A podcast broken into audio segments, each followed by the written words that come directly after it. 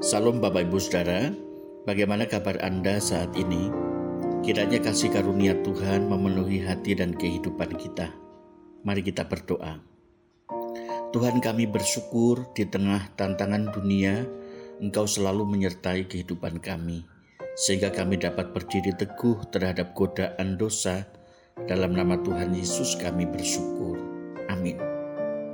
Saat ini kita akan membaca dan merenungkan firman Tuhan dari kitab Efesus pasal 6 ayat yang ke-14 berkata demikian.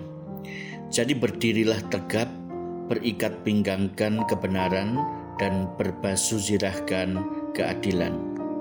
Sikap seorang prajurit Kristus Ayat ini menggambarkan postur seorang percaya di dalam gelanggang pertempuran rohani melawan iblis. Ini adalah ekspresi di dalam kemiliteran, kata perintah yang dipakai komandan terhadap prajuritnya.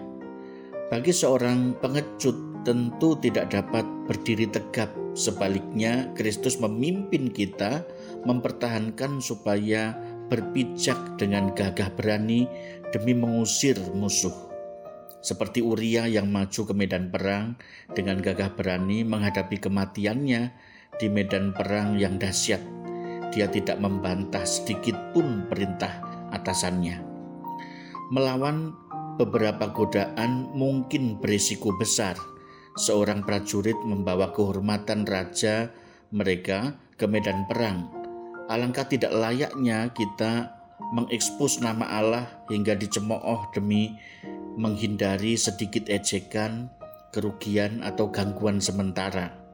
Sesungguhnya Allah tidak sembarangan dengan mengorbankan hambanya, meskipun kadangkala ia menguji kesetiaan mereka dengan pelayanan sulit dan pencobaan yang berat, supaya oleh kesetiaan dan keberanian kudus di dalam penderitaan mereka, Allah mengalahkan iblis.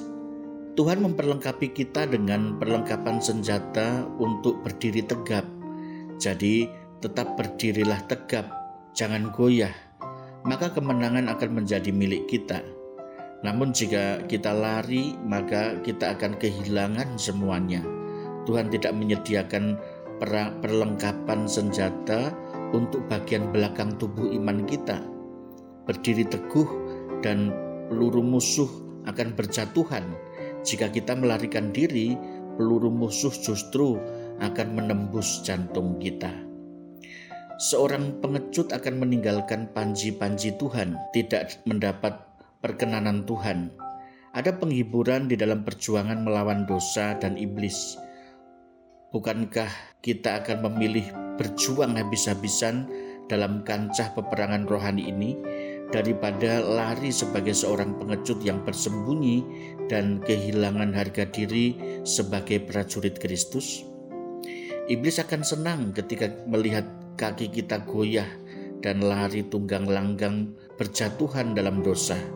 Dan itulah yang diupayakan iblis di dunia ini supaya kita takut terhadap gertakannya sehingga gemetar dan lupa menggunakan senjata peperangan rohani Tuhan.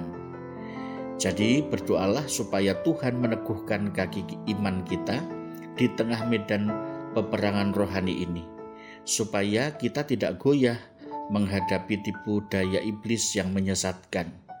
Jangan takut terhadap aumannya, sebab iblis sudah dikalahkan dan kita telah dipersenjatai oleh Tuhan dengan perlengkapan senjata rohani.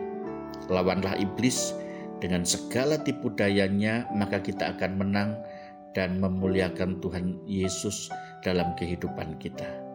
Mari kita berdoa. Tuhan, bantulah kami supaya tetap tegap dan siap siaga menghadapi serangan iblis, sehingga kami tidak goyah terhadap tipu dayanya, dan kami akan menang untuk memuliakan nama Tuhan dalam kehidupan kami. Dalam nama Tuhan Yesus kami memohon. Amin.